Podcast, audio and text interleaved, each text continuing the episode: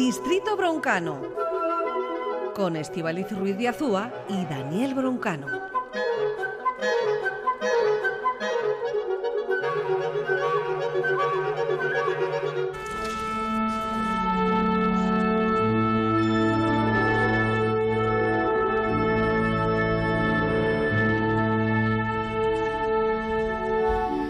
Orquesta está dispuesta y preparada. Hoy la hemos sacado de un rincón del estudio y la hemos puesto en el centro de nuestras vidas, en el centro de este estudio.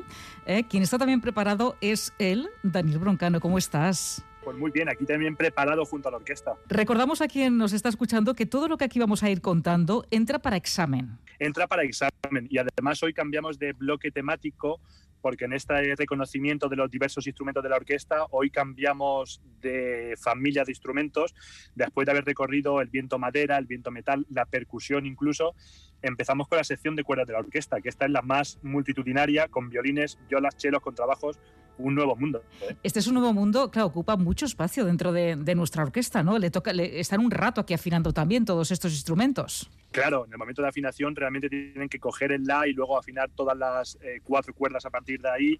Realmente las secciones son más multitudinarias y hoy empezamos con los violines. Em, primero, importante saber dentro de la orquesta que hay eh, violines primeros y segundos y como, el propio eh, número ordinario indica, los primeros hacen un poco la parte más aguda, casi principal, ¿no? Eh, y los, son como los sopranos de un coro. Eh, y violines segundo pues hacen como una voz que va siempre por, por debajo. Bueno, pues sabiendo que hay jerarquías y hay categorías dentro del mundo violín, que hay de, primeros, de primera categoría y de segunda categoría, ¿qué es lo que nos propones? Bueno, propongo empezar escuchando una obra em, que tiene un, claro, los violines digamos que por defecto tocan eh, la melodía dentro de, de toda esta orquesta, hablar de los violines es hablar de la pizza margarita. O sea, tú sabes, Estivalis, cuando vas, cuando vas, por ejemplo, a una pizzería, a un restaurante, no te decides, eh, por defecto pides pues una pizza margarita, que es un poco neutra, tiene lo... Entonces, un compositor, cuando tiene ya la, la obra en su cabeza y empieza a distribuir las voces entre los distintos instrumentos, la melodía por defecto se la da a los violines. O sea, por defecto es, es su pizza margarita. Dentro de eso, de que, de que los violines dentro de la orquesta tocan mm, por defecto, tocan la melodía, vamos a empezar directamente con un solo de violín. Eh, esto quiere decir que uno de los violinistas de la orquesta eh, eh, es el protagonista total. Esto es de la obra Sherezade de Rimsky-Korsakov. El violín en este cuento musical es la voz de una mujer que cuenta un cuento cada noche al príncipe para aplacar su ira. Esto está basado en, las mil y una noches. Así que vamos a escuchar un violín que realmente nos subyuga, que nos conquista a cada nota, como tenía que hacer Serezade con el príncipe. Así que, bueno, vamos a dejarnos conquistar por este violín. Vamos con ello.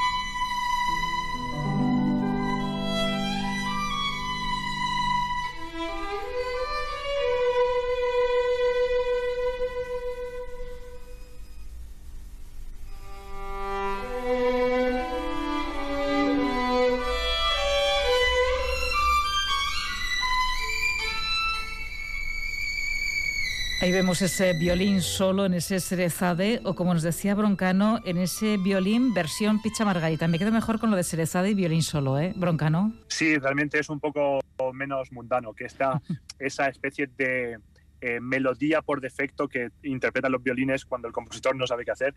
Bueno, eh, Estivaliz, un poco por, por eh, poner en contexto la historia del violín, eh, es un instrumento que viene de la viola da gamba y de otros instrumentos de cuerda frotada, o sea, son instrumentos con cuatro o más cuerdas que se frotan con un arco. Los antecesores del violín se tocaban verticalmente, o sea, no se apoyaban debajo de la, de la cabeza, en el cuello, sino que tocaban eh, en la pierna, de aquí viola la gamba o en el regazo. Después se fueron colocando ya estas violas eh, en el brazo, de aquí la viola de abracho, y llegó un momento a Estivaliz donde se apoyaba el mentón en este instrumento. Y aquí ya empieza el violín realmente. En el siglo XVII, una ciudad en Italia, Cremona, donde eh, realmente se inventó el violín moderno, ¿no? Estos constructores como Amati, Stradivari, Guarneri, que hicieron estos, estos instrumentos que realmente se siguen emulando, se siguen copiando con estos barnices fabulosos que nadie sabe exactamente qué tenían y que se subastan todavía cuatro siglos después por millones de euros, literalmente, ¿eh? literalmente. Un Stradivari, por ejemplo, un Stradivarius, ¿no? Lo que cuesta. Efectivamente. Eh, y además los luthieres actuales, digamos que cogen planos de estos instrumentos para seguir estos modelos. O sea que es que es un, instrumento, eh, ha cambiado en cuanto que estas cuerdas de tripa que tenían se hacen ahora de metal, eh, pero lo demás es, es igual. ¿no? vamos a escuchar música un poquito de este primer periodo del violín. Bach hizo varias partitas para violín solo. En su, en su segunda partita, un movimiento, La Chacona, que es una obra, bueno, considerada como eh, un recopilatorio de toda la técnica más difícil para violín, eh, que tiene dobles cuerdas. Esto quiere decir que el arco a veces tiene, tiene que hacer una acrobacia para eh, tocar dos cuerdas a la vez, a veces tres. Es un reto para todos los violinistas tocar esta chacona de Bach que vamos a escuchar a continuación.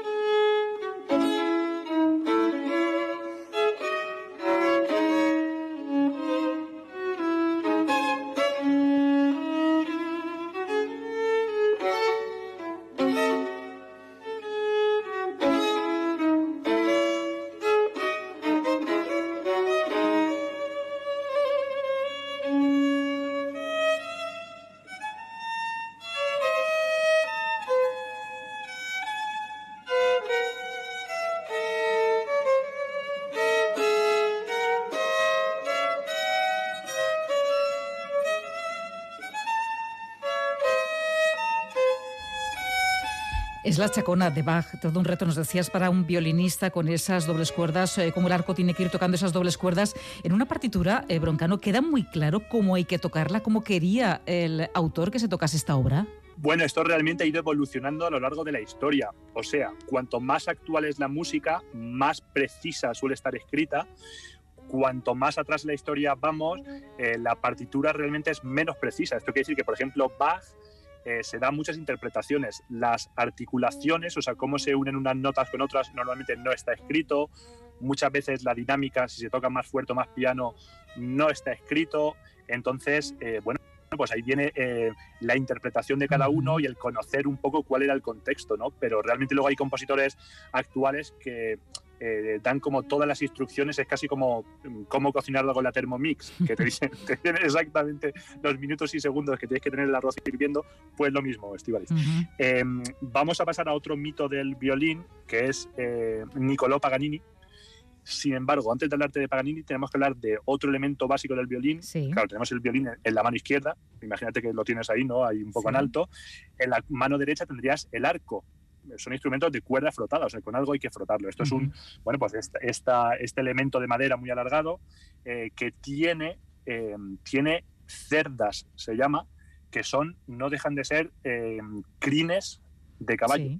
o sea, está hecho de crines de caballo. En concreto, de crines de cola de caballo, unas 250. En concreto, tienen que ser crines de cola de caballo macho, porque una mm, yegua por cómo orina una yegua, las crines son diferentes. Mm, perdón por entrar en tantos detalles, sí, sí. pero si tuviésemos que hacer un, si te diese por hacer un arco, que sepas que te que coger crines de caballo eh, macho en concreto. Vale, lo tengo claro. Si mm, quiero hacer un arco de un violín, lo tengo claro lo que tengo que ir a buscar. Vale, solo porque por si se te diese la circunstancia. Yo que sé, quién sabe, ¿no? Cualquier tarde de estas. Paganini, vamos con él. Cualquier tarde, Paganini. Porque el, violín Nestiolid no lo vamos a poder hacer, pero el arco a lo mejor sí. Paganini, uno de los grandes, de las grandes estrellas del violín, mm, en eh, principios del siglo XIX es cuando empezó el estrellato de los músicos, un arquetipo del virtuosismo del violín, se forró haciendo giras por toda Europa. Llegó un momento en 1834 donde dejó eh, de hacer giras y montó un casino y su figura era tan endiablada, era tan endiablada que el obispo de Niza eh, prohibió que se le enterrase en tierra sagrada por este diablo que tocaba el violín como estamos escuchando de fondo y que vamos a escuchar aún más.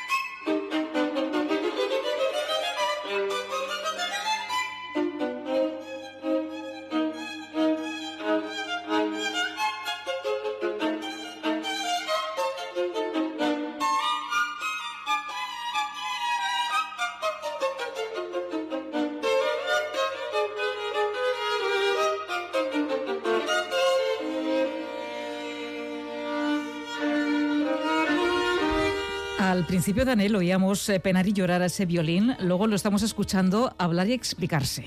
Totalmente, un poco va haciéndose más explícito.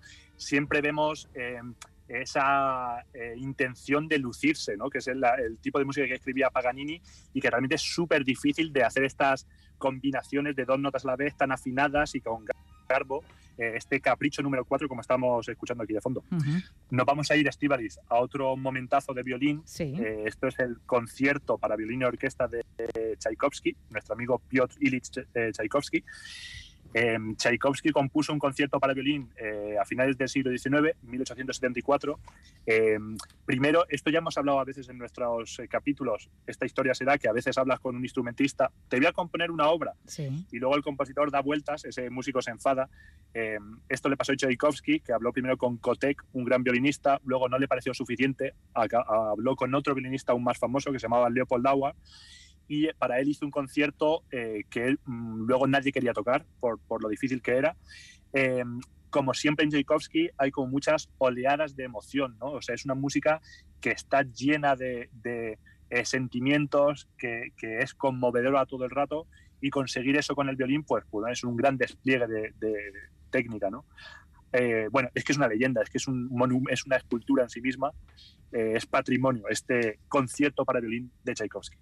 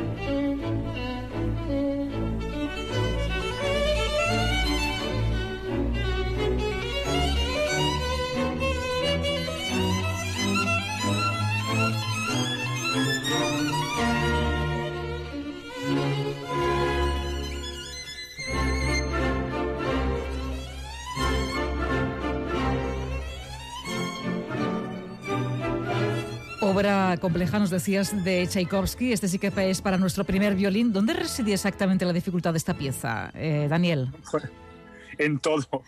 o sea, reside en estos pasajes larguísimos donde hace falta tener un sonido poderoso, en estos, eh, como escuchamos ahora de estos eh, eh, pasajes fulgurantes de arriba abajo, a menudo dobles cuerdas, pichicatos, que es tocar las cuerdas con el dedo derecho sin, sin, pasar el arco. Todo, ¿no? Realmente el concierto de Tchaikovsky tiene absolutamente de todo. Em, hay un elemento em, del violín eh, en el significado que le dan muchos compositores, y con esto tiene que ver también la primera obra que escuchábamos, em, que al violín le dan unas connotaciones eh, como un poco trascendentales, eh, a veces como metáfora del alma humana. Y esto, a colación de esto, viene nuestra siguiente obra, que es La historia de un soldado, de Igor Stravinsky. esta obra compuesta en 1917 con un soldado eh, que vuelve desconcertado del frente, eh, José, y que lo más valioso que atesora es su violín. Lo único que no ha perdido en la guerra es su violín, eh, que es su bondad, es su alma, que acaba vendiendo al diablo. El diablo intenta hacer, bueno, dominarle con, con su violín. entonces refleja por un lado la bondad del alma, refleja también el diablo, que además eh, casi entronca con ese mito de Paganini, ¿no? Con ese, eh, entonces esa, esa eh, ambivalencia del violín como algo que tiene la bondad del alma, a la vez lo más diabólico, es algo que explotan muchos compositores y que vamos a escuchar a continuación en esta historia de un soldado de Igor Stravinsky.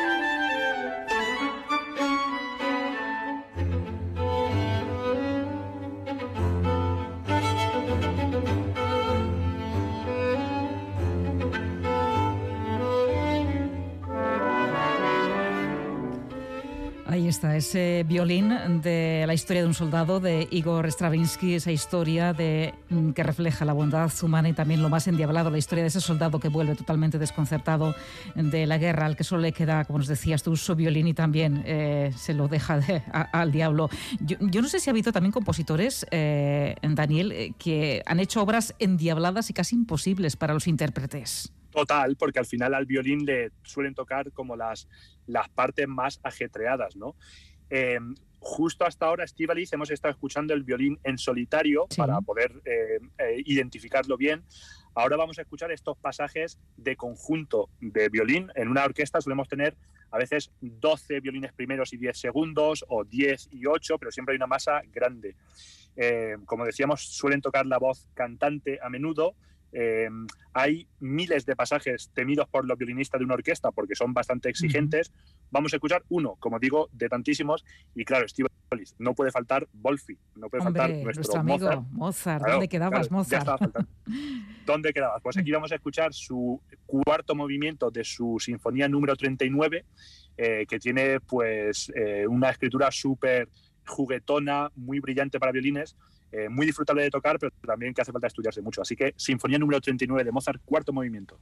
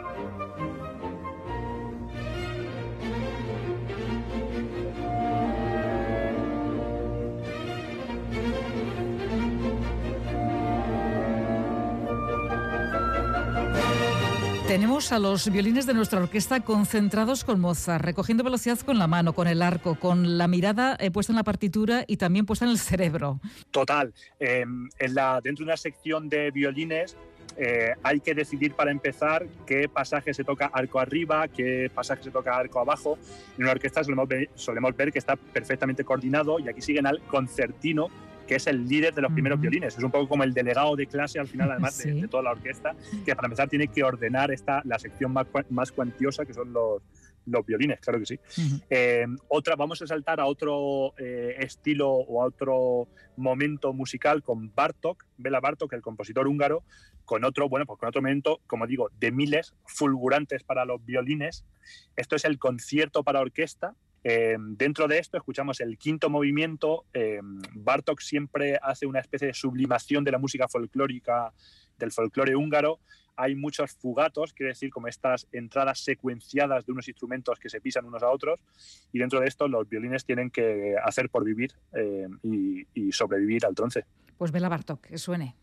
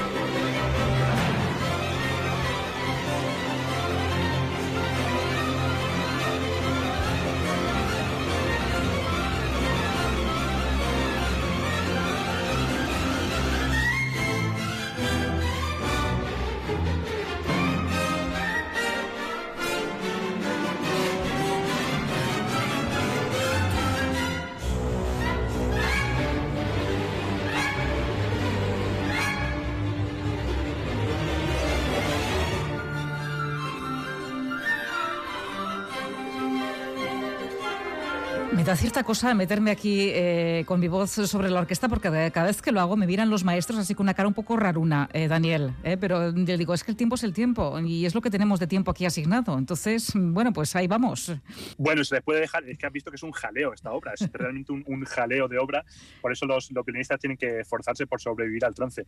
hemos comentado justo al principio que el violín surgió de la, de, las, de la familia de las violas, eh, en realidad al principio de los tiempos el violín era un instrumento bastante folclórico, eh, estaba en el folk escocés, en el folk irlandés, en el folk escandinavo, eh, y también después ha estado en otros tipos de música donde ha sido protagonista, por ejemplo, del jazz. Y con esto vamos a cerrar nuestro recorrido por el violín con la leyenda, con esta figura, el francés Stefan Grappelli. él fue amigo de Django Reinhardt y los dos hicieron muchísima música juntos. Eh, bueno, es otro registro del violín totalmente disfrutable y adorable. Así que vamos a cerrar con este Je attendré, eh, Yo esperaré, de Stefan Grappelli con Django Reinhardt, eh, para conocer pues, otro registro estival del violín. Pues con ello te dejamos y con ello cerramos este capítulo por fascículos, este curso por fascículos de musicología e instrumentología avanzada, hoy con el violín como protagonista. Daniel Broncano, es que ricasco. Es que ricasco, un besazo, Estivalis. Hasta luego.